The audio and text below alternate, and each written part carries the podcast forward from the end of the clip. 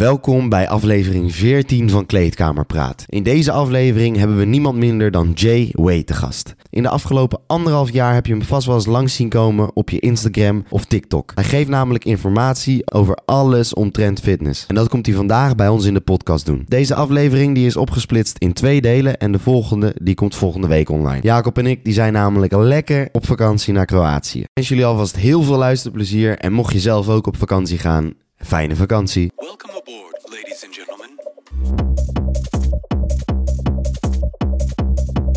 Nou jongens, vaak heb je toch wel als je in een gebouw rondloopt... dat je, dat je naar een meubilair kijkt en dan denk je... hoe hebben ze dat hier ooit binnengekregen? nou, ik had dat net ook toen ik hier binnenliep. Want van, eh, vandaag hebben we niemand minder dan J-Way. De, eh, de- misschien wel de allergrootste. Ja, ik heb ook nog Nou. met Wesley gezeten, maar Ah, ik denk ik wel de, een van de grootste guys die ik ooit heb ontmoet. Voor mij by far, by far. Ja. Zeker, ja. Dat is absurd. Eh, Jay, ik wil echt bedanken dat je hier eh, bij ons te gast wil komen. En dat we eigenlijk te gast mogen komen bij jou thuis. Dat ten eerste. Alles opgeruimd. Want zitten Ja. hier in de, in de echte, echte Osso van, eh, van Jay. De Temple of Doom. De Temple of Doom.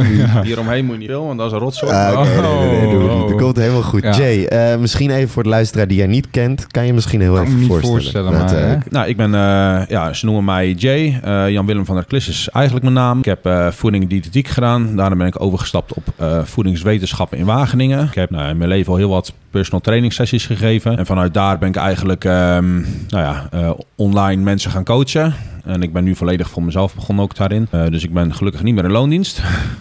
En eh, nou ja, vanuit mensen zo goed mogelijk willen kunnen coachen, ben ik een, eh, nou, een hele hoop informatie gaan, eh, gaan opzoeken, een hoop cursussen gaan doen. Natuurlijk ook vanuit mijn opleiding een hoop, eh, hoop meegekregen en ook een bepaalde denkwijze en nou ja, kritische denkwijze meegekregen. Nou, eigenlijk ben ik vanuit daar de afgelopen, ik denk nu anderhalf jaar, een hoop video's op, in het begin op TikTok gaan posten en nu ook nou ja, veel op Instagram, waarin ik mensen gewoon een hoop informatie probeer mee te geven over nou ja, onder andere leefstijl, voeding, training, eventueel ook gebruik van hormonen, omdat daar natuurlijk Ja. ook best een, best een taboe op zit. En dat het sloeg gelijk aan, hè? Dat Wat je, gaat, wat je eh, deed. ja, dat gaat rapje aan. Eigenlijk wel- wel direct, of niet? Ja, en ik denk ook omdat, nou ja, juist omdat er zo'n taboe op zit, is voor heel veel mensen is de informatie gewoon eh, slecht beschikbaar. En de informatie die beschikbaar is, moet natuurlijk ook met een korrel zout nemen wat Ja. daarvan klopt. Dus eh, ja, dat, dat, dat trekt ook wel lekker aan, ja. ja. Ja, Dus je bent eigenlijk de koning van fitness eh, Nederland. Tenminste, Ik, ik, eh, denk wil wel- een beetje bescheiden blijven, maar ik Nou, denk, tenminste, eh. ik denk wel dat ik in de nou ja, Nederlandse fitnessindustrie, dat ik wel een naam begin te worden die veel ja, mensen kennen. Ja, Ja. Ik, ik, heb, ik heb in ieder geval veel van jouw video's gezien. En ik denk ook dat ik heb er heel veel aan gehad. En ik denk dat je ook echt een toegevoegde waarde bent voor iedereen die in de sportwereld zit. dat ik wel zeker. Om gewoon even Ja. te kijken naar, naar wat omdat je... je, ja, omdat je zo open bent en zo. We hebben het vorige keer al gehad bij, met de podcast van Mhm. Sportpoeder over anabolen gebruik. Wat hebben we nog meer besproken tijdens die podcast? Eh, een stukje over slaap, een stukje over eh influencers, een stukje over supplementen. We hebben eh, een heleboel we dingen, hebben dingen wat, eh, besproken. en ja. het is wel mijn doel om het niet dubbel te maken, maar er zal vast veel dubbele informatie Mhm. in voorkomen, omdat het gewoon simpelweg eh, ongeveer dezelfde onderwerpen zijn Ja. die we gaan bespreken. Maar ik wil het wel een beetje onderscheidend houden. We hebben het vorige keer niet gehad over de invloed van suiker op de mens. Nee. Ehm, jij weet daar best wel veel van af. Mhm. Eh, dat heb jij door middel, eh, geleerd door middel van studies, Ja. et cetera, et cetera. Gewoon allemaal doorspitten, wetenschappelijke studies online. Wat kan je vertellen over de invloed van suiker op de mens? Nou, heel veel mensen denken dat er een suikerverslaving bestaat en dat je verslaafd kan, staan aan, kan zijn aan suiker. Eh, daar ben ik het zelf niet mee eens. Eh, omdat, kijk, alle middelen waaraan je verslaafd kan zijn, stel dat jij verslaafd bent aan, weet ik wat, noem heroïne, even heel extreem, dan is de meest zuivere vorm van waar jij verslaafd aan bent, is wat je het liefst zou nemen. Ja. Als een suikerverslaving bestond, zou de kilo pakken suiker dus erg duur zijn in de supermarkt, denk ik. Ja, ja, dat is Ja, dus wel. Dus ja. eigenlijk zeg je wel Dus- een suikerverslaving bestaat. Nee, want maar wat, niemand, iedereen die, die beweert... Er zijn een hoop mensen die beweren verslaafd te zijn aan suiker. Maar geen van die mensen zit letterlijk pure suiker te vreten. Dus blijkbaar is suiker zelf niet het probleem. Dus je zou kunnen zeggen dat er misschien iets van een eetverslaving bestaat. Die lijn is een stuk vager. Kan je alsnog een discussie over voeren. Daar durf ik niet zo stellig op te zeggen dat dat niet het geval is dat die bestaat. Maar wat in ieder geval duidelijk is, is dus dat de... Kijk, de voedselindustrie doet miljarden onderzoek naar welke kleurencombinaties, smaakcombinaties, consistenties, al die dingen. Wat, welke soort voeding daarmee het meest lekkers is en het best verkoopt. En vanuit, nou ja, weet ik veel hoeveel 10.000 jaar ontwikkeling en evolutie en weet ik het wat, zijn wij mensen en dieren net zo. Want we zien bijvoorbeeld ook dat, dat huisdieren worden ook obese. En we zien dus dat, nou, allereerst, er is veel meer voeding beschikbaar dan dat wij nodig hebben. En dat is natuurlijk in het verleden eigenlijk nooit het geval geweest. Je moest altijd vechten om, om Ja. genoeg energie binnen te krijgen. Energie is overleven. Dus ons lichaam is gewoon vanuit, weet ik veel, 10.000 jaar ontwikkeling gewend om zoveel mogelijk energie op te kunnen slaan als reserve. Dat is de hele functie, of een van de functies van vetweefsel. En wat we dus nu zien, zeker afgelopen nou ja, tientallen jaren, is dat er zoveel ontwikkeling is gedaan op eh, nou ja, smaak, smaak van voeding, hoe lekker voeding is, weet ik het wat. Dus, en, en ook energiedichtheid en zo. Dus mensen eten veel meer. En daarnaast worden mensen steeds minder actief. En, Duidelijk. en dan ga je dus zien dat inderdaad nou ja, gewichtstoename gaat plaatsvinden.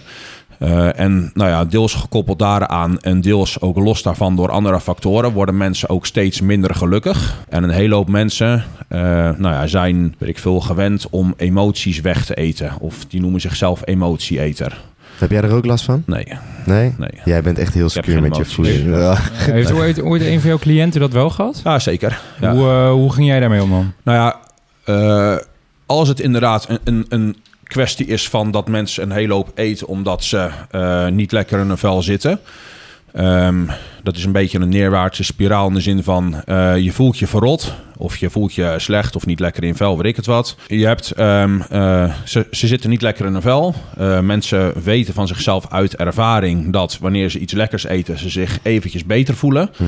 Dat is de oplossing, tenminste die zij eh, daarmee vinden voordat ze niet lekker in hun vel zitten. Vaak zijn ze bezig met afvallen. Eh, dus nadat ze hebben zitten vreten, zitten ze minder slecht in hun vel. Waarna ze weer een oplossing gaan zoeken om dat weer op te lossen. En dan heb je een neerwaartse spiraal te pakken. En nou ja, wat een oplossing daarvoor kan zijn, is ehm, om uit te zoeken welke emotie mensen proberen weg te eten of waarom ze niet lekker in hun vel zitten. Dus kijken naar je emoties, zeg maar. Ja, en, maar dan en- ben je dan niet meer een psycholoog dan een... Uh, onderhand gaat het. eh, kijk, ik, ik, ik, ik ben zeker niet opgeleid om, om psycholoog te zijn. Mhm. Dus eh, zo diep zou, ga ik daar met klanten niet in. Maar kijk, met, met leefstijl kan je natuurlijk ook een heel stuk oplossen. Als iemand, nou ja, weet je, dat mensen die dit luisteren. Eh, die een keertje ver op vakantie zijn geweest, die een jetlag hebben te pakken, die zitten ook een paar dagen slechter in hun vel. Terwijl heel veel mensen eh, gaan in het weekend een hele andere tijd naar bed dan door de weeks.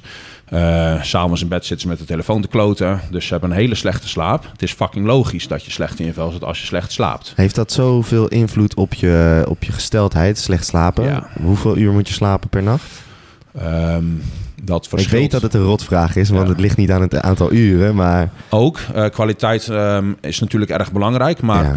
het aantal uren dat je nodig hebt... eh, nou ja, ik denk dat rond de acht voor gemiddeld persoon eh, een mooi streven zou zijn. ja. Ehm, en ik denk als je erg zwaar traint en intensief traint... kan dat soms al negen of tien zijn wat je nodig hebt. Oké, wauw. Hoeveel uur slaap je zelf? Te weinig. Ja? Nee, ik, ik probeer de laatste tijd wel eh, echt minstens acht te zitten. Eh, en ik merk wel, ehm, als ik ehm, nou ja, zware trainingsblokken heb, dan heb ik aan negen niet genoeg.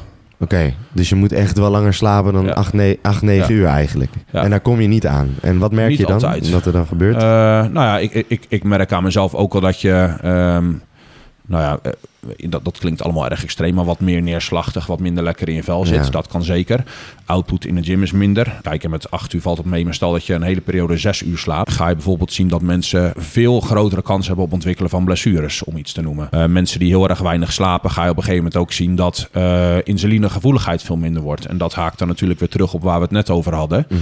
Ehm, op het moment dat insulinegevoeligheid minder is en je bent minder gemotiveerd eh, om dingen op te pakken, nieuw gedrag aan te leren. Eh, en je bent erg moe, dus je hebt geen zin om je eigen maaltijden te koken en misschien zelfs niet om te sporten. En als je al sport, heb je meer kans op blessures of je zit minder lekker in je vel. Nou, dat is dus weer die spiraal waar je dan met, met iemand in kan zitten. Dus in die zin kan ehm, het verbeteren van slaap. Ik denk dat je zover kan gaan dat verbeteren van slaap voor eigenlijk elk probleem dat iemand heeft die te weinig slaapt, is verbeteren van slapen of meer slapen, gaat overal in ieder geval iets positiefs aan bijdragen. En, maar slapen kan best lastig zijn. Tenminste, ik heb soms best wel veel moeite om in slaap te komen. Mhm. Omdat ik best wel druk in mijn hoofd ben. En dan schakelt mijn hoofd gewoon niet uit. Nee. En dan lig ik gewoon wakker.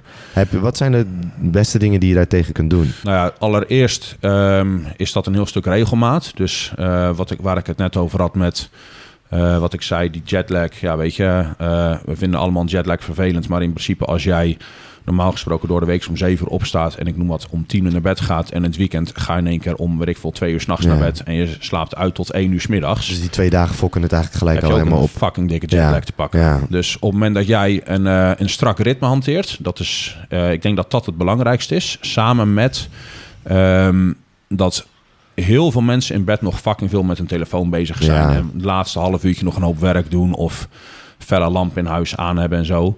Ehm, dus een vaste ritme hanteren. Eh, probeer te zorgen dat de laatste paar uur voordat je naar bed gaat... de hoeveelheid licht in je ogen beperkt is. En je Mhm. bij voorkeur het laatste uur geen dingen meer doen... waarbij je veel moet nadenken of met nou, iets met, met een scherm bezig zijn. Telefoon, laptop, televisie. Ja, dus alles uit. Ja. Alles gewoon uit. Laatste uur voordat je gaat pitten. Je kan je vreten voor de volgende dag klaarzetten. Je Ja, kan, ja, eh, je kan even gaan ja. douchen. Je kan een boek gaan lezen. Weet je, Eh, ruim je huis een beetje op. Verzin Maar- even wat dingen. Ga je dan nooit uit of een keer naar een feestje of wat vind dan? ik geen Oké. reet aan. Ja. Nee, echt ook Ja. nooit gevonden? Wel in fases. Uitgaan zelf gewoon de stad in vond ik, heb ik echt nooit leuk gevonden. Wat dan? Eh, ik heb een hekel aan mensen die bezopen zijn. Ja? En waarom Ja. is dat? Ja, ik weet niet. Ik vind eh, mensen die bezopen zijn gewoon vervelend. Gewoon idioten. Je maar kijk ik, nou eh, ehm, kijk, ik ben wel natuurlijk wel... Ik heb wel wat festivaletjes afgegaan en zo. Ja. Er is nooit zoveel gezeik op een festival... als bij festivals zoveel gezopen wordt. En festivals waar mensen andere shit gebruiken... is altijd een heel stuk chiller. Ja. Dan ben je Eh, iedereen zijn vriend inderdaad. Ja. ja. ja, het is allemaal een stuk vrolijker. Dat is wel inderdaad. waar. En Ja. eh, nou ja, weet je, ik, ik heb ook best wel een sterke mening over alcohol... in de zin van, ik vind het ehm, nou ja, bizar wat voor dingen er tegenwoordig allemaal worden verboden... of nou ja, eh, niet worden toegestaan, terwijl... eh, Het is gewoon hypocriet eigenlijk. heel erg. Ja, terwijl alcohol eh, in zekere zin gewoon een harddruk is. Ja, want jij hebt denk ik nog meer inzicht in hoe slecht het eigenlijk voor je is dan dat wij hebben. Eh, Ik weet Ja, niet of je er veel Kijk, het is, onderzoek... het is eh, lastig om daar, om daar cijfers op te plakken, maar er zijn zeker wel wat onderzoeken gedaan. Ehm, die, eh, kijk, qua verslaving eh, en ook qua schadelijkheid voor eigen lichaam en voor omgeving, Ja, staat alcohol volgens mij in de top drie van alle harddrugs. Dus dan bedoel ik ook serieus het rijtje cocaïne, heroïne en Ja. Eh, alcohol scoort zelfs in dat rijtje echt ontzettend hoog. Dus eigenlijk op nummer, op nummer 1 zei je toch? Wel oké. één van de, ja. Ja. Ja, kijk, en ik bedoel, er zijn natuurlijk een hele hoop andere soorten drugs die ook schadelijk zijn. En Maar alcohol is normaal eigenlijk. nou ja, dat, ja.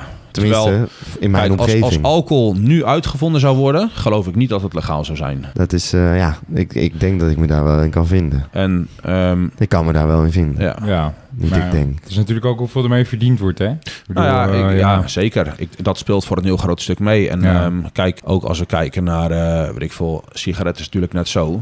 Als je kijkt Ja. hoeveel daar accijns aan verdiend wordt, dan ehm, ja, ik, ik, ik denk niet dat ze. Ik bedoel, die schadelijkheid, daar kan je niet meer omheen. Dus uiteraard vertellen ze dat iedereen. Maar nou ja, eh, weet je, laten we die dus, of dit gesprek niet die kant op sturen. Maar als je ziet wat er afgelopen twee jaar in één keer uit het niks verboden kan worden Ja, ja. voor ja, bizar. volksgezondheid. Ja, bizar. Waarom kan dit dan niet verboden worden? Ja, ja, Ja. ik snap Ja, best wel waarom je die, ja, ja, ja. ik snap Dus, best wel waarom je die kan niet op wilt, omdat je dan Ja. gelijk. eh, Ik heb, nee, weet je, dat, dat wordt gewoon een heel ander gesprek en daar Ja. heb ik niet per se zin in. Maar Nee, eh, kijk, als het echt zou gaan om volksgezondheid, zou je hier ook de stekker uit kunnen trekken. Inderdaad. En aan de andere Ja. kant, ehm, je hebt natuurlijk in Amerika ook die drooglegging gehad en zo. Wat je natuurlijk gaat krijgen als mensen eh, iets niet meer legaal kunnen halen. Dan krijg je een hele grote illegale sector. ja, Dat zag je in Amerika ook met die drooglegging. Dat mensen met wat moonshine en zo aan de gang ja, gaan. ja, ja. Eh, maar als dat het verhaal is, als dat de reden is waarom ze het dus legaal houden, snap ik niet waarom je dan niet de hele teringzooi legaliseert. Dus nou ja, Ecstasy. noem steroïden. Ja, steroïden. Ja. Maar noem ook ecstasy. Want wat je dus nu ziet, ehm, sinds dat voor mij is ecstasy werd vroeger wel meer gedoogd dan nu. En wat je eigenlijk ziet sinds dat dat eraf is gegaan, zie je dat dosering van die pillen neemt extreem toe. Ja. Dat heeft er natuurlijk mee te maken met dat, ehm, nou ja, eh, als jij nu shit eh, moet gaan vervoeren, is het natuurlijk eh, veel handiger om daar veel sterkere Ja. concentratie dingen van Ja, te want dat kost, ja, dat kost minder ruimte. En je hebt geen controle op kwaliteit en zo. Nee. En nou ja, dus ja, ik, ik vind dit best wel een lastig onderwerp. Maar het is in ieder geval zo dat alcohol scoort heel erg hoog wat betreft schadelijkheid. Kan je twee keer in de week je kop eraf zuipen en tegelijkertijd nog groeien qua spieropbouw? Dat ligt heel erg aan het, aan het individu. Wat, Alle- hoezo ligt dat dan aan het individu? omdat iemand die net begint, zal veel makkelijker progressie kunnen boeken dan iemand die al heel dicht bij zijn natuurlijke max zit. Oké. Of nou ja, in, in mijn geval gewoon überhaupt bij zijn max zit. Dus als ik, ik, ik- kijk, ik zuip nu niet twee keer per week. En ik boek nu nog wel iets van progressie. Voor iedereen die denkt dat het met eh, gebruik makkelijk komt aanwaaien. Ik, Ja, dat is echt onzin. ik denk dat iedereen eh, onderhand wel weet dat ik gebruik. Eh, ja, ik heb het. ik heb het we, hebben, we hebben hiervoor ook nog een podcast gedaan met Mhm. sportpoeder. Hè? En daarin hebben we het echt gehad over gebruik. Mhm. En dat vond ik wel heel interessant om te horen. Want ik denk dat heel veel mensen onderschatten hoeveel werk er alsnog ja. bij komt kijken. Inderdaad, Nou, wat kijk, in de wandelgangen gaat. ja. Uiteraard gaat het harder. Dat is logisch. En er zijn ook er zijn een hoop onderzoeken die gedaan zijn. waaruit blijkt dat als iemand een kuur start. dat de eerste paar kilo er zo op zit. Is logisch, want dat is wat meer bloed. Dat is wat meer vocht. Dat is wat meer glycogeen. En ook wel wat extra spiermassa. Maar op het moment dat je die initiële progressie hebt gehad. ehm, Kijk, ik gebruik ook. En afgelopen drie jaar zit er denk ik met mazzel drie kilo op. Dus dat betekent dat ik een jaar lang met mijn intensiteit en hoe autistisch ik met alles ben, ben ik aan het werk voor ongeveer een kilo per jaar met gebruik. Dus, nou ja, Dus het is- als je dat aanwaaien Zo. vindt. Ja, nee, totaal niet. Ja, nee. Totaal niet. Ja, er ligt natuurlijk ook Ja. een heel taboe op. En eh, op, op het gebruik überhaupt. Ja. En eigenlijk met de informatie die ik nu al heb gekregen, door echt te praten en ook door deze podcast gewoon te doen en research te doen en ook met jou te praten en met, eh, met Wesley Vissers ook, eh, kwam, ik, kwam ik er wel achter dat het, dat het eigenlijk dat het bij elke sport gewoon gebeurt. Ja. Gewoon bij elke sport Ja, gebeurt het. Alleen je ziet het alleen bij, bij fitness aan de buitenkant. Ja, ja. Kijk, En- want het doel van gebruik hier is natuurlijk, of tenminste het gebruik bij bodybuilding, is dat je het aan de buitenkant ziet.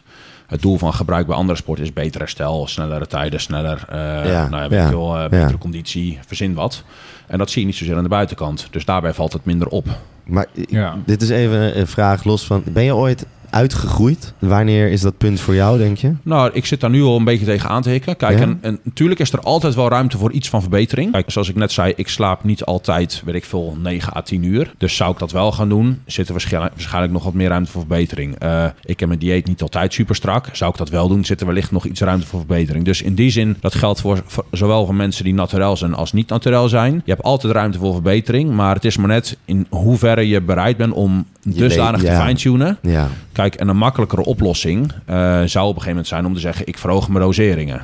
Ja, want werkt Ja. dat? Ja, alleen. Ehm, kijk, je hebt, je hebt natuurlijk zoals bij alles een wet van verminderde meeropbrengst. En dat houdt gewoon in dat, eh, ehm, nou, weet je, de eerste 100 milligram die je neemt in dit geval, of eh, weet je, als we kijken naar training, ehm, iemand die niet traint, die naar één keer trainen per week gaat, gaat een hele progressie boeken. Ja.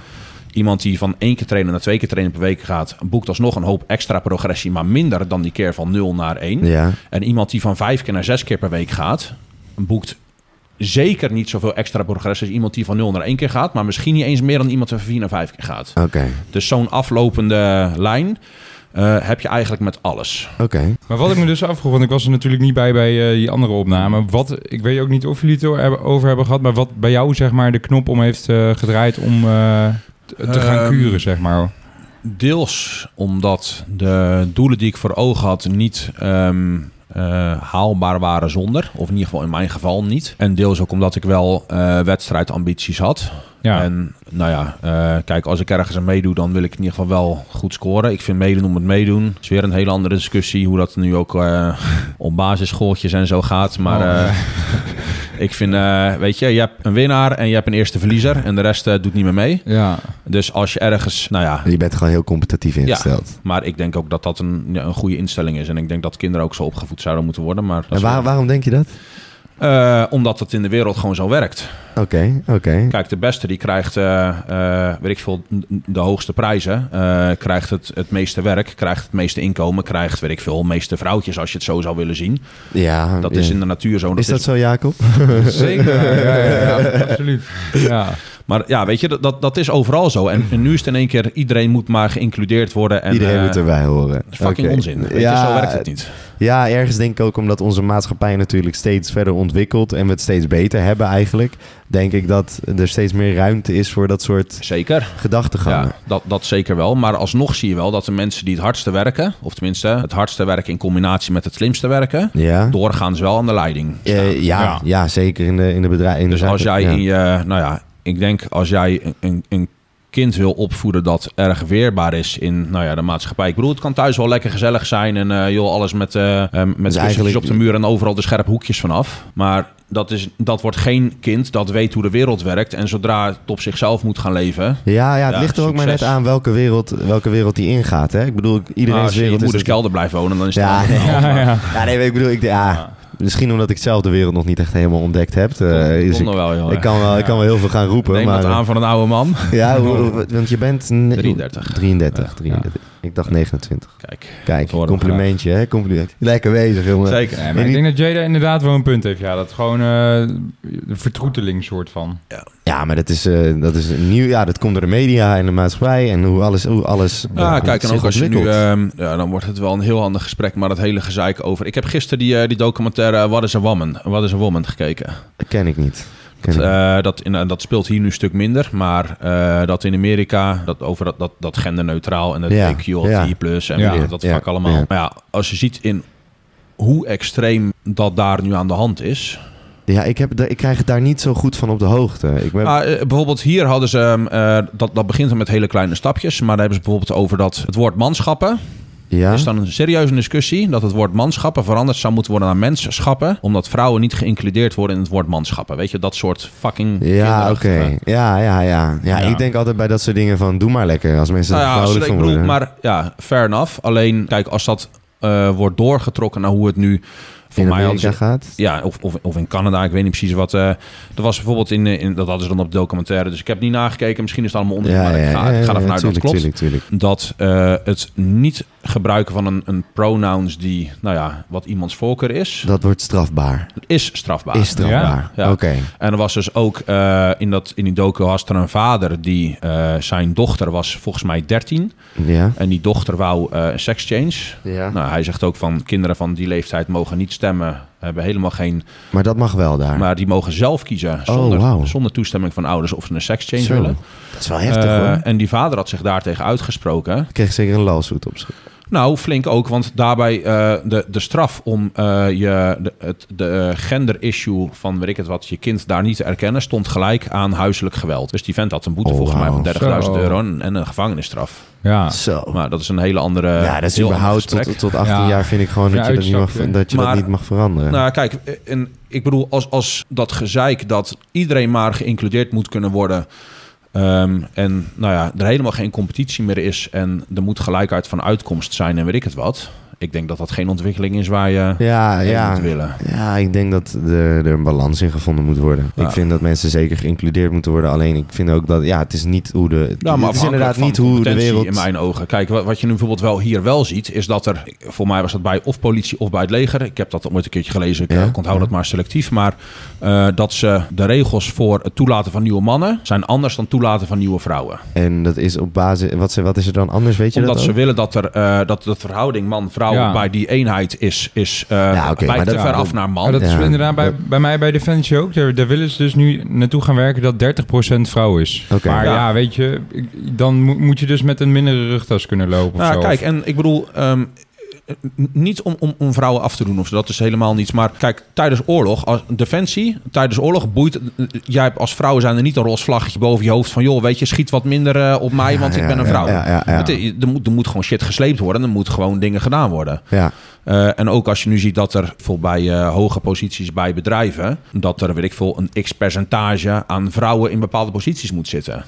Ja, dat Ik is ben het daar niet mee eens. En Ja, ik bedoel, al zijn het 100% vrouwen, dat interesseert me geen reet. de beste, degene die Maar het beste kan moeten doen. selecteren. Ja, dat, eh, daar ben ik het mee eens. Daar ben ik het mee eens. Alleen ik vraag me er wel af, waarom zou dat dan zo... Waarom moet dat eigenlijk? Waarom willen ze dat nou maar heb eigenlijk je in hebben? Noorwegen toch wel dat het echt... echt eh, dat Ja, maar waarom willen me- Voornamelijk vrouwen, en dat, kennelijk werkt het heel goed. Alleen, ik heb dan inderdaad zoiets van kies gewoon de beste voor de baan. Weet Ja. je, dat uiteindelijk is dat waar het om gaat, toch? Misschien omdat er in, die, in de bedrijfswereld niet toegang is voor vrouwen... dat ze zich ook niet kunnen levelen. Ah, ik, ik denk dat dit meer te maken heeft met wat er nu... eh, en dan wordt het een beetje een wappie gesprek. Maar wat er wereldwijd Nou. aan de gang is met... ehm, eh, dat ze...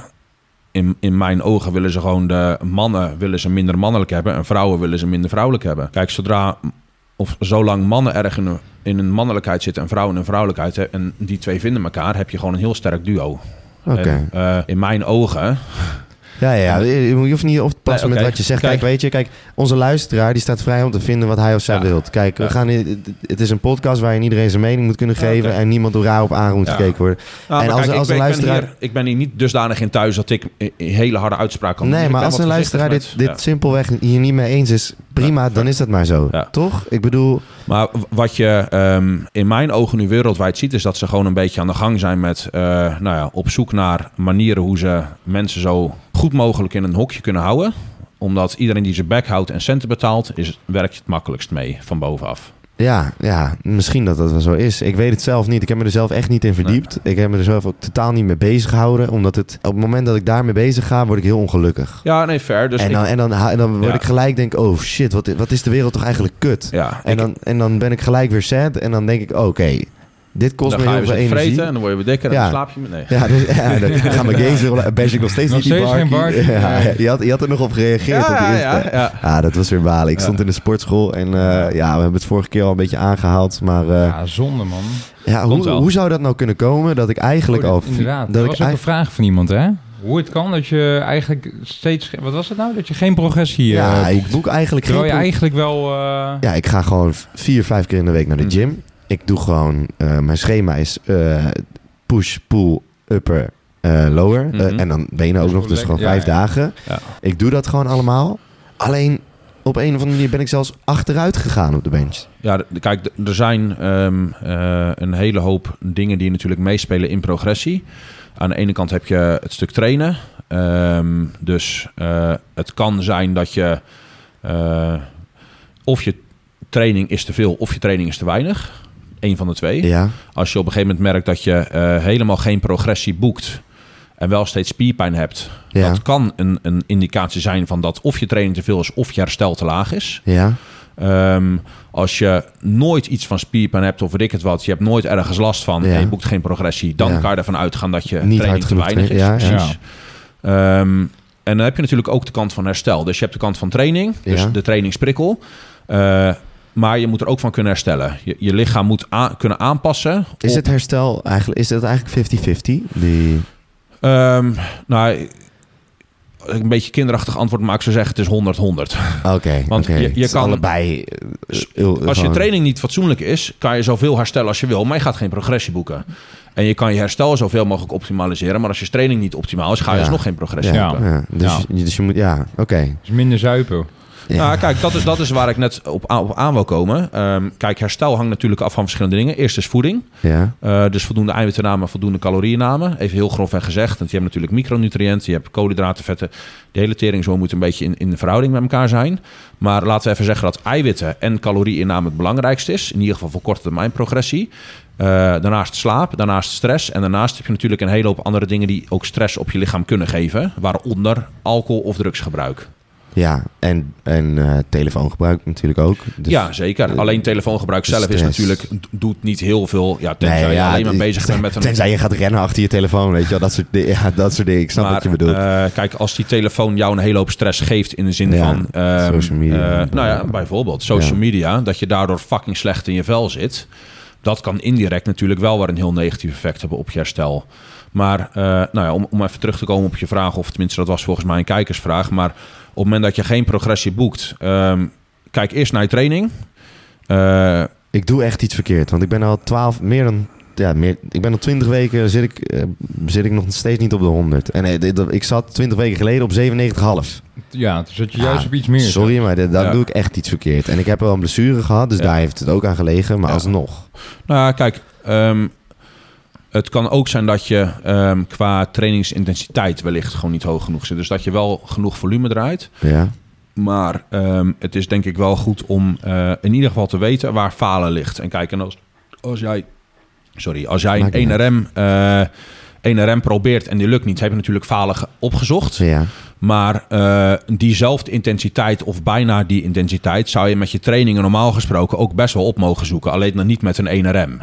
Ja. Nee, dus ja, Maar inderdaad. Dus- met de spotter erbij of met de smidmachine dat echt tot het gaatje gaan. Ja, Ja. Eh, kijk, en ik wil niet zo ver gaan dat ik zeg dat je eh, elke training in ieder geval een set tot falen moet doen. Ehm, maar probeer dat maar eens een, een periode. Dan weet je in ieder geval zeker dat training in ieder geval intensief dat die genoeg in is. ieder geval goed is. En wat Ja. ik vaak zie bij, nou ja, bijvoorbeeld als ik een aantal klanten van mij neem die net nieuw begonnen zijn, die krijgen mijn trainingsschema. Ik zet daar natuurlijk intensiteit ook in. Ik zet daar ook in. Hoe verwoord je dat? Ik, ik geef gewoon aan in welke set ze moeten falen en hoeveel ze weg moeten blijven bij falen. Oké. ja. Maar heel veel mensen hebben gewoon geen goed besef van wat falen nou betekent. Wat betekent falen? Falen houdt in dat jij, er zijn verschillende manieren van falen, maar laten we het hier even houden op technisch falen. Dus dat jij geen goede uitvoering meer kan maken met goede vorm. Oké. Gewoon echt niet meer. ja. Dat dus er moet gewoon- geen één fucking herhaling meer in zitten, al zet iemand een pistool op je kop. Oké. Dat is falen. En dat doet niemand. Jij Bijna wel? niemand. Ik probeer daar tegen aan te werken. Dat lukt me ook lang niet altijd. Bij kwats vind ik dat heel pittig. Maar als jij op die manier je intensiteit opzoekt. Ik heb bijvoorbeeld, ik had een klantje, gaf aan heel weinig progressie te boeken, vooral op zijn benen. Is misschien ook nog een interessant onderwerp als ik dat even kan onthouden. Maar Ja, ja. nou, dat, eh, de, heel veel mensen komen nog aardig weg met, met hoog volume en weinig intensiteit trainen bij een bovenlichaam. Daar Ja. moet nog Ja. wel progressie mee. En bij benen werkt dat gewoon niet. Oké, gaan we het zo meteen over hebben. Ja. Eerst door. Ik onthoud me. Ik onthoud Ja, het. ja. Maar, nou ja, dus ik had tegen de jongen gezegd: kom dan een keer langs voor een PT. Dan kijken we eventjes hoe je. Misschien is je uitvoering niet goed, weet ik het wat. Ik had hem op de legpress gezet en ik zeg tegen hem: deze zelf is een paar warm-up setjes gedaan en zo. Techniek een beetje gefine-tuned. Eh, en dat liep toen goed. Dus toen zei ik tegen hem: deze set mag je tot falen doen. Het maakt me geen zak uit. Jij mag zelf het gewicht kiezen, maar je gaat tot falen. Dus dat betekent, ik wil, er mag geen één herhaling meer in zitten. Kies Met maar een gewicht. Ja, ja, het moment dat je veel gewicht doet, zijn natuurlijk minder reps, maar is elke rep zwaarder. Op het moment dat je weinig gewicht pakt, moet je meer reps Ja. maken. Maar gaf je ook een rap range mee of dat nee, niet? Ik, nee, ik heb gewoon gezegd falen. Ja, ja, In de ja. sim geen zak, al ben je een uur bezig. Ja. Dus ehm, eh, hij zegt, nou, dus hij houdt hem op 120 kilo of zo, weet ik het wat. Dus ik vraag aan hem, eh, en deze jongen die trainde al een poos. Dus ik vraag aan hem, hoeveel herhalingen denk je dat je mee kan maken tot falen? Hij zegt 8 of 9 of zo. Ik heb bij 30 gezegd, stop maar. Ja? Dus mensen zijn, en dat, daar zijn ook onderzoeken naar gedaan, maar mensen zijn fucking slecht in aangeven waar falen ligt. Mensen die trainen, Maar waarin dat, is dan meer in de luiheid. eh, bang zijn voor pijn. Dus op het moment dat het een beetje zeer gaat doen, oh, dit is wel falen. Nee, fuck jou, daar ga je pas stellen. Oké, oké. Ja. Dus dat is echt... Weet je, gewoon echt je grenzen opzoeken. Het, mag, het mag echt zeer doen. En dan niet zozeer zeer dat je natuurlijk je hele lichaam naar kloten traint. Maar trainen mag best oncomfortabel zijn. Je mag best je grenzen opzoeken en proberen te verleggen. Eh, waar we het in die vorige podcast ook over hadden, is dat het opbouwen van een nieuwe spiermassa is natuurlijk heel duur. Ja, En- energietechnisch gezien. ja, ja, Energie, waar we het net over hadden, is overleven in de natuur. ja. Eh, dus dat betekent dat jouw lichaam moet echt een hele goede reden hebben om meer spiermassa aan te zetten. Want je lichaam wil nooit zomaar extra energie uitgeven voor niks. Ja, Nou ja, een, een goede reden om, om extra spiermassa aan te zetten. Je lichaam wil alleen meer spiermassa opbouwen als die nieuwe hoeveelheid spiermassa ervoor zorgt dat jij in de toekomst minder energie, uitgeeft ja, dan ja. Ja? Dat, is, dat is eigenlijk de formule voor En- groter worden, Ja, toch? en trainen tot falen kost heel veel energie. Mhm. Eh, omdat er, er is helemaal geen ruimte meer voor verandering. Er is helemaal geen ruimte meer voor eh, foutmarges, weet ik het wat. Trainen tot falen kost heel veel energie. Kost exponentieel meer energie en herstelcapaciteit... dan trainen tot, weet ik veel, 80% van je kunnen. Ja. Dus dat betekent, als jij tot falen traint... of in de buurt van falen traint... is het gunstig voor je lichaam om meer spiermassa op te bouwen... zodat diezelfde intensiteit ergens in de toekomst... misschien maar 80% van je kunnen kost... en niet meer tot falen trainen is. Dus eigenlijk in die laatste 20% of gewoon dat je denkt dat je faalt, maar je kan nog meer, daar zit echt een goeie in. Daar zit, daar zit Ja. het meest, mits je ervan kan herstellen. Oké, ja, ja. Ja? ja. En zoals ik net zei, dat wil niet zeggen dat je elke set tot falen moet gaan trainen. Maar nou ja, zoek het eens een keertje op. En zorg dat je, eh weet ik veel, elke training, in ieder geval, nou ja, je trainingen loggen. Daar hebben we het vorige keer ook over gehad. Het loggen van je training is een must. Ja. En dan bedoel ik niet alleen het aantal herhalingen dat je maakt, keer het aantal sets, Ja. eh, keer het aantal oefeningen, weet ik het wat. Eh, keer het aantal kilo's natuurlijk. Maar rusttijden ook bij gaan houden. Oké. Schrijven ook Wat op. is, wat is de ideale rusttijd? Is er niet. Oké, want ik zat dus vandaag in de sportschool en ik dacht, oké, nu doe ik dus dumbbell press. Mhm. En ik was klaar en ik was, ik was in mijn optiek echt tot falen. Hè? Eh, Ja. Maar ik was dus klaar terug. Oké, hoe lang moet ik nou eigenlijk rust nemen voordat ik weer een goed setje Ja, kan? Kijk, het lastige daaraan is, is dat ehm, er is geen zwart-wit. Eh, kijk, het, het, Omdat het per persoon verschillend. ja, en ook binnen de persoon per situatie verschilt. Kijk, opt een optimale training is een bewegend doel. Dat is niet van hier zit mijn optimale training en gaat dartpijltjes gooien. En op een gegeven moment kom je steeds dichterbij en ik heb mijn optimale training te pakken. Want in een trainingsfase eh, waarin jij zit, waarin jij wel 10 uur per nacht slaapt, heel weinig stress aan je kop hebt en nou ja, weet ik het wat, alles lekker loopt in je leven, Ja, ja. is de optimale training heel anders dan een periode wanneer jij bijvoorbeeld net een fucking kind hebt of zo. Ja, ja, Ja. ja. Kijk, dat is een beetje waar het, waar het stuk ervaring en, en nou ja, een goede trainer of weet ik het wat zijn in, eh, in terugkomt. Maar ehm, kijk, hoe langer de rusttijden, hoe meer jij herstelt. Dus hoe meer volume jij de volgende set weer kan pakken. Maar dat betekent dus ook dat je meer herhalingen totaal moet gaan doen voordat je weer een beetje in de buurt van falen komt. En eigenlijk de herhalingen in de buurt van falen, dat zijn voornamelijk de herhalingen die tellen. Ja, Dus ehm, in zekere zin kan het juist gunstig zijn om niet volledig te herstellen tijdens een rustpauze. Zodat jij nog een beetje vermoeid bent. Zodat de volgende set. Laat- Even een voorbeeld. Stel, jij doet eh 10 herhalingen met 100 kilo bankdrukken. Jij neemt uh, en jij. I wish. Komt vanzelf. Na, na deze podcast Ja, heb je dat. ja, ja, ja. Ooit, ooit. Ik hoop het, ik hoop het. En stel jij neemt 10 minuten rust, red je misschien best nog een keertje 9 à 10 reps met diezelfde 100 kilo. Stel jij neemt eh, even heel extreem 5 seconden rust, red je geen 1 rep. En daartussen zit, het, zit de rest van het verhaal. Maar het zou dus kunnen betekenen dat eh, als jij, ik noem wat, anderhalf minuut rust neemt of 2 minuten rust, dat jij misschien nog 4 à 5 reps redt van die 100 kilo. Eh, en dat betekent dus dat die, die 4 à 5 reps is gelijk al met 100% van je kunnen. Of met, met alle spiervezels, zeg maar. Ja. Terwijl als jij volledig uitgerust bent, moet je misschien weer een, een herhaling of 4, 5 doen voordat alle spiervezels meewerken. Oké, dus eigenlijk zeg je van te veel rust nemen. Dat daar moet je echt mee oppassen. Of Nou, verwoord ik het nu eh, verkeerd? Dat ligt dus heel erg aan je doel. Oké. Kijk, als, als het de opbouw van kracht je hoofddoel is, dat zie je dus vaak bij powerlifters. En, ehm, eh, en, en optimale uitvoering, eh, ook qua snelheid en weet ik het wat, als dat je hoofddoel is, dan zijn lange rustpauzes goed. Eh, in sommige trainingsfases, als hypertrofie je hoofddoel is, kan je ook wel lange rustpauzes nemen.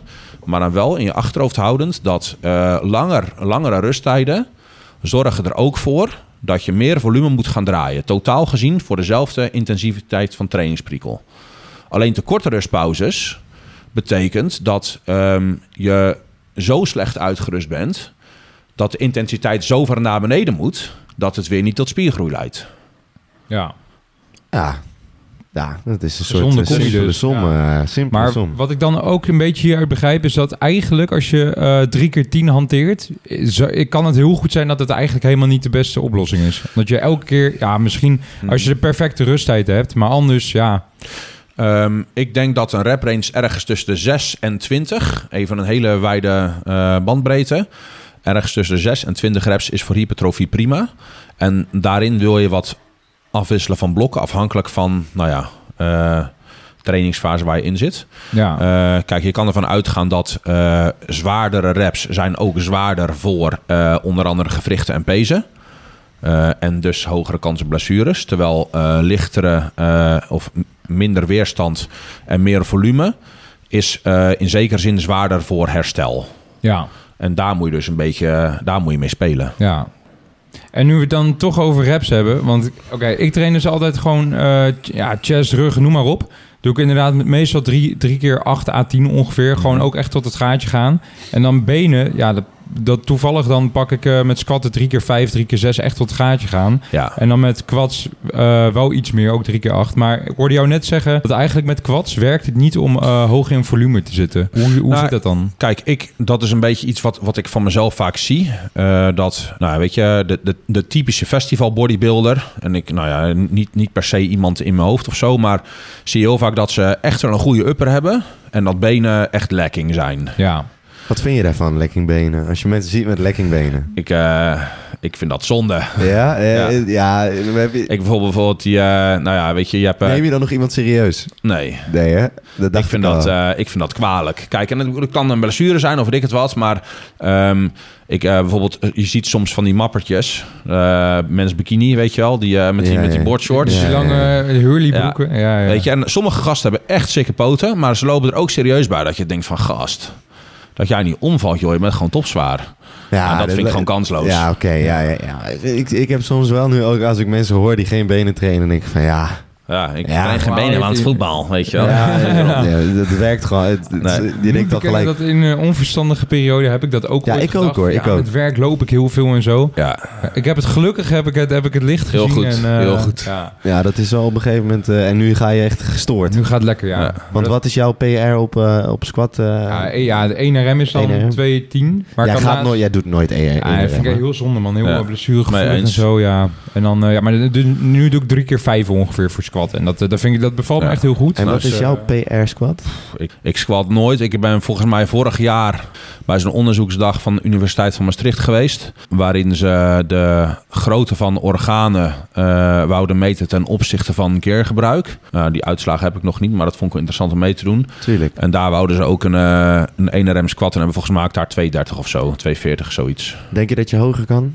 Nou, ik train nooit squats, dus per definitie kan Nee, ik makkelijk hoger. Ja. Als ik die beweegpatronen ga aanleren en ik ga trainen in een, in een hele lage rep range, Maar waarom train je eigenlijk geen squats? ik vind dat er betere oefeningen zijn. Of oefeningen. Kijk, met een squat helemaal tot falen gaan is gewoon kut. Eh, met een leg press is dat veel makkelijker. Ja. Ehm, daarnaast is het zo dat met een squat tot falen gaan kost een hele hoop stabiliteit. Van onder andere, nou ja, weet ik veel, noem je romp, je onderrug. In een hack squat of in een leg press ben je helemaal niet bezig met het stabiliseren van je eigen lichaam. Dus je kan 100% van je output focussen op Die oefening. output. Ja, ja, duidelijk. Dus je hack squat gewoon... Ik vind dat er betere, voor hypertrofie zijn er betere, eh, betere alternatieven dan een normale back squat. Wat is je favoriete oefening?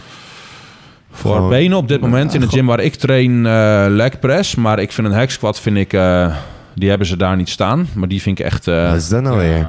Hoe kan nou, Vervelend, Boy- ja. hoe kan nou iemand die zo erg... Dus, eh, hoe kan nou- nagaan als ik die wel had, hoe dan? dan uit? Ja, Ja, zo moet je het zien. Even, even een kamertje vrijmaken. Eigenlijk wel, eigenlijk wel. Ja. Nou, je- je- ze hebben het gehoord. Jongens, Ja. gaan het Nou, eens ik, heb het al, ik heb het al eerder ook eh, al aangegeven. Maar even kijken, we waren volgens mij... eh, Jullie alfaman wil... wil Sowieso, ja. Over waarom, waarom je dus eigenlijk Ja, eh, eh, lager in volume moet zitten voor quads. D- dat komt dus weer een beetje neer op, op eh, je totale herstelcapaciteit, waar ik het daar straks eventjes over had.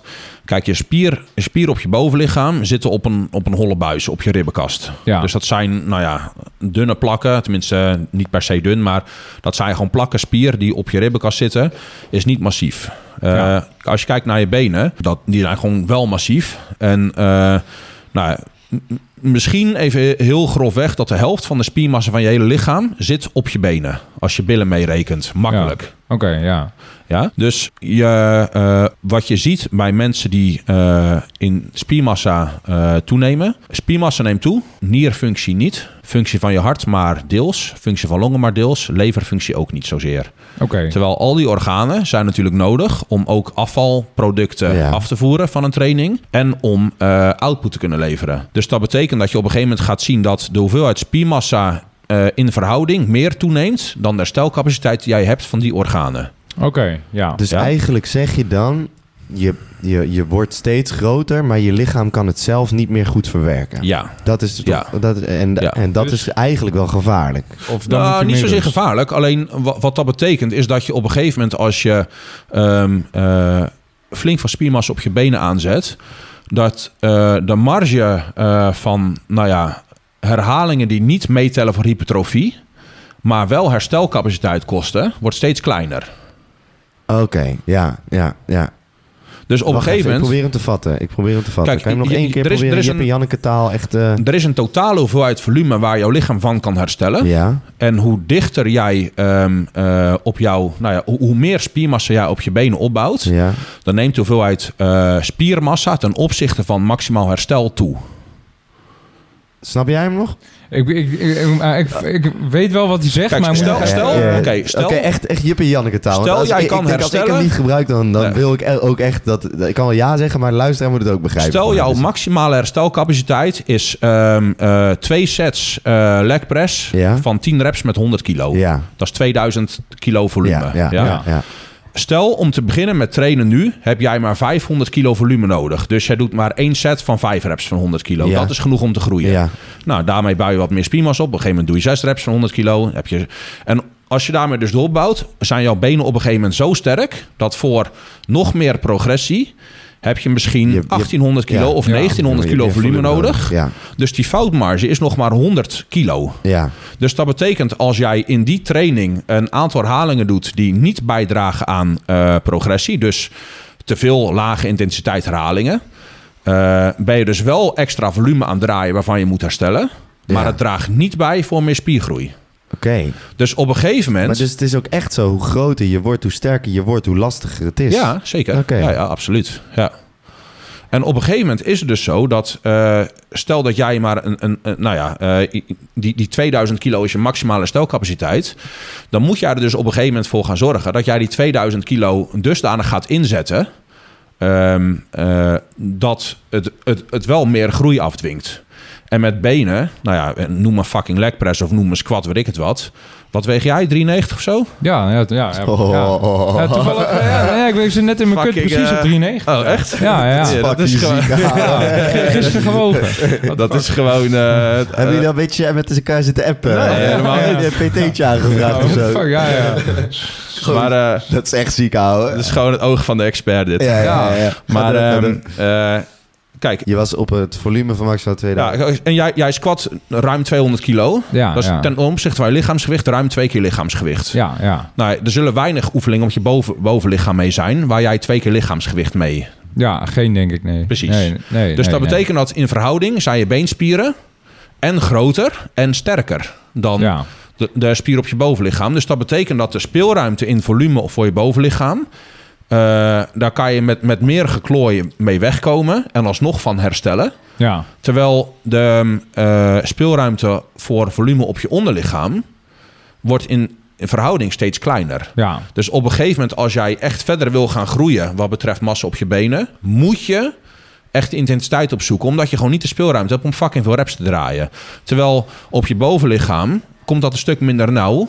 Omdat je minder volume hebt. Juist. Ja. Ah, omdat intensiteit lager is. Ja, ja. Ja. Oh, oh oké. oké. Dus daardoor telt Shit. het volume minder. Shit, Nee, ja, je- oh, ik je- was er bijna. Ja, dat- het, kijk, de totale som, het aantal kilo's keer het aantal reps keer het aantal sets is volume. Ja, Maar als je het aantal kilo's verlaagt, wat dus in verhouding op bovenlichaam is ten Ja, opzichte van benen. ja. Als je het aantal kilo's verlaagt, ehm, betekent dus dat die totale som van die drie neemt ook af. Dus wat je Ja. zegt klopt. Maar als je dan duidelijk. of meer sets of meer reps doet, zou je dan niet toch nog... Zeker. En dat Ja. is dus waarom je op je bovenlichaam met een hoop pompsetjes kom je nog wel weg. Want je doet gewoon meer sets of meer, meer, eh, meer reps. Ja, Dus je houdt de kilo's laag, maar sets en reps nemen toe. Totale volume neemt alsnog toe, dus je maakt alsnog progressie. ja. Dat werkt voor bovenlichaam. Maar op een gegeven moment bij benen gaat het niet meer. Want als je die kilo's laag houdt en wel fucking veel sets en reps gaat draaien... waarvan de intensiteit op een gegeven moment ook zo laag wordt... dat het geen extra groei meer afdwingt... ben je dus heel veel volume elke keer aan het draaien... wat niet of nauwelijks bijdraagt aan meer groei. Oké, ja. Ja. Duidelijk. Ja, klinkt lo ja, ik, ik had ooit een keer van Marcus Roe, die je vast ook wel, had ik ook echt een of andere zieke leg day gezien. Met echt superveel volume, geloof ik. Ja, ja dat, ja, dat nou, moet ik toch eens even, even, even beter inlezen. Jongens, jongens, we gaan even, even doortrappen naar de wekelijkse rubriekjes. Want we zitten alweer op een eh, x aantal minuten. Nu denk ik eh 46. Oké. Kijk, we zijn lekker op dreef. Eh, wij, jij weet dat misschien niet, maar wij hebben als rubriekje, het wekelijkse rubriekje, is het grafkelder techno-nummer van de week. Ik weet niet wat voor muziek je zelf luistert. Eh, techno vind ik af en toe wat chill, maar eh, tijdens trainen meestal eh, hardcore. Oké, Ja. dus jij bent echt wel van iets ruiger. eh, maar techno is ook goed. ja, oké. Nou, heb, jij, heb jij een favoriet techno-nummer? Of eentje waar je echt heel goed op gaat? eh, jij had mij wel een DM gestuurd van... Ja, ja, dat was van dat nummertje van eh, die Anne of zo had ge- Ja, ja, ja, ja. Anne had, eh, Bald Boy, toch? Ja, Bald Boy. Ja, van, ja, zoiets. KRTM. Ja, ja, ja. Jij vond het een goede Nou, dat soort grafklapper? shit vind ik wel, eh, vind ik wel relaxed af en toe tijdens trainen. Het was, een- Een het was, relaxed, een- ja. het was een ja, zwaar relaxed. Ja, onze luisteraars, eh, Jacob heeft ooit een lijst gemaakt dat heet Grafkelder Techno. En sinds het moment dat wij met de podcast zijn gestart, is die lijst in één keer zwaar. Vet. eh, Zwaar. Keer 20. Echt gewoon Nice. bizar. Ja. Dus eh, we hebben dat echt als wekelijks rubriekje. En het is ook echt lijp, want iedereen eh, checkt het elke keer. Dus het is echt wel een, Ja. een leuk ding Ik had geworden. inderdaad ook zo'n TikTok geplaatst over grafkelder techno. En dat is gewoon honderdduizend keer ja, bekeken. Het is echt voor ons is belachelijk. dat, eh, is Ja. dat superveel. Doen. Ja. Ja, Dus Jacob, ik zou zeggen, neem de luisteraar mee. Neem de luisteraar mee op avontuur van het grafkelder. eh, Techno-nummer van de week. Oké, luisteraar. Eh een van de vorige afleveringen heb ik jullie meegenomen in mijn reis dat je langs de, de West Coast van Amerika rijdt met een lekker chill techno-nummertje. Ja. Dit is het moment dat je de afgrond inrijdt. het is echt, jongen, dit is echt, je, je, je stuit op een muur. Het is het nummer La Voix de la Colère. Of zo, zoiets van Orgie. Ja, zoek hem op, zoek hem op. Het is echt, het slaat nergens op. Oh, en ik wil nog een oproepje doen. Voor mij, ik weet nog niet even dat, of iemand weet hoe het zit met rechten. Dat we het een stukje erin kunnen knippen. Want dat Ja, zou natuurlijk dat echt zou, geweldig dat zou echt Ja. helemaal geweldig zijn. Maar Maar, ik heb daar wat te maakt dit nummer nou dan zo goed? eh? Wat het nummer zo goed maakt is echt... Nou, ik denk dat het misschien wel tegen de, tegen de early of eh, echt tegen de hardcore-achtige aan zit. Het is nog net, je hebt net wel verschil, maar het is echt keihard. Keihard. Ja, ja. en eh, jij gaat ook naar Rotterdam Reef. Dus Door jou, ja, we ja, gaan zeker. dus eventjes helemaal eh, kapot. We kregen al een eh, DM'tje binnen van iemand die, die zei... hey, jullie gaan ook naar Rotterdam Reef. Laten we, laten we meeten. Oh ja, gaan we daar een meet-up doen? Dat Gewoon- moeten we wel doen. dat gaan we zeker. Gaan we Hoppakee, zeker doen. hoppakee. Jay, jij hebt net, eh, je bent net getuige geweest van het grafkelder tegen nummer van de week. Ja. Vorige week is er een battle geweest. En die week daarvoor ook. Ja, maar die van vorige week moeten we nog even in ons verhaal Ja, die zetten. van hè? vorige week, die, Ja, die ja, komt eraan. Die komt Ja. eraan. De aflevering staat pas een dag online. Ja. Dus eh, in ieder geval, ik ben benieuwd. Heb jij een nummer? Het hoeft geen techno te zijn. Die je zo 1, 2, 3... eh Eh, nou, even kijken. Ik was te laat. nu ben ik wel heel benieuwd hoor. Ja, hè? Want iemand die zo groot is Sowieso als Jay... Anger Fist of Iemand zo. die zo eh, groot is als Jay, die moet wel hele rare muziek Ah, luisteren. ja. Die moet wel Dan hele... ga ik even piano nu. Hij luistert naar Erik Satie. Oh, oh, ja, ja. Beethoven. Eh, anime vind ik eh, wel chill. Iets in de microfoon, iets in- Oh, sorry, ik vind anime, dat is eh, hardcore, vind ik tegenwoordig wat chill. Oké, en eh, het- Eh, nummer Cowards vind ik vet. Cowards. Ja? Cowards. Als in lafaards. Ja. Ja. Kan je misschien een heel klein stukje laten horen? Jawel. Dan kunnen wij een, een kleine impressie Even geven aan de luisteraar. Ja. Eh, even voor de luisteraar. Ik zit hier nu en eh, ik zie Jacob helemaal gek worden. Al- Alleen maar intro en geen beat zo, hè? Misschien is het wel wat voor mij. Ja, ik snap je wel. Ik snap je wel. Ja, en wel, zit je dan ja, ook ja. aan de pre-workout? Ja, ja, ja, meestal, of tenminste, ehm, eh, ik heb op zomervakantie even, even een detoxje gedaan. Ik heb eh, ja, eigenlijk afgelopen maanden best wel een flinke periode alleen maar doortrainen. Ik heb eh, nou ja, eigenlijk de hele periode wel zeven keer per week getraind en soms twee trainingen per dag. Dus eh, en zeker in een calorietekort pak ik juist wel veel pre-workout. Ehm, of tenminste veel pak ik gewoon normale dosering. Maar ja, twee keer per dag telt natuurlijk best wel op. Ehm, dus ja, mijn cafeïnename was daarmee een periode best wel hoog. Eh, en nou, die heb ik, ben ik vergeten net te noemen, daar wou ik nog op terugkomen. Maar cafeïne is ook een hele belangrijke voor slaap. Dus als jij moeite hebt met slapen, dan is eh, je cafeïne schrappen, zeker na een uur of twee 's middags, is echt wel eh, goed. duidelijk. Maar ehm, ja, ik gebruik dus zeker wel pre-workout. Maar ik heb dus nu weer eventjes een periode dat ik dat wat minder of niet probeer te doen. Omdat, nou ja, er treedt natuurlijk wel iets van gewenning op. Tenminste wel op het mentale stuk. En ehm, eh, nou, fysieke, het fysieke stuk in de zin van hogere hartslag...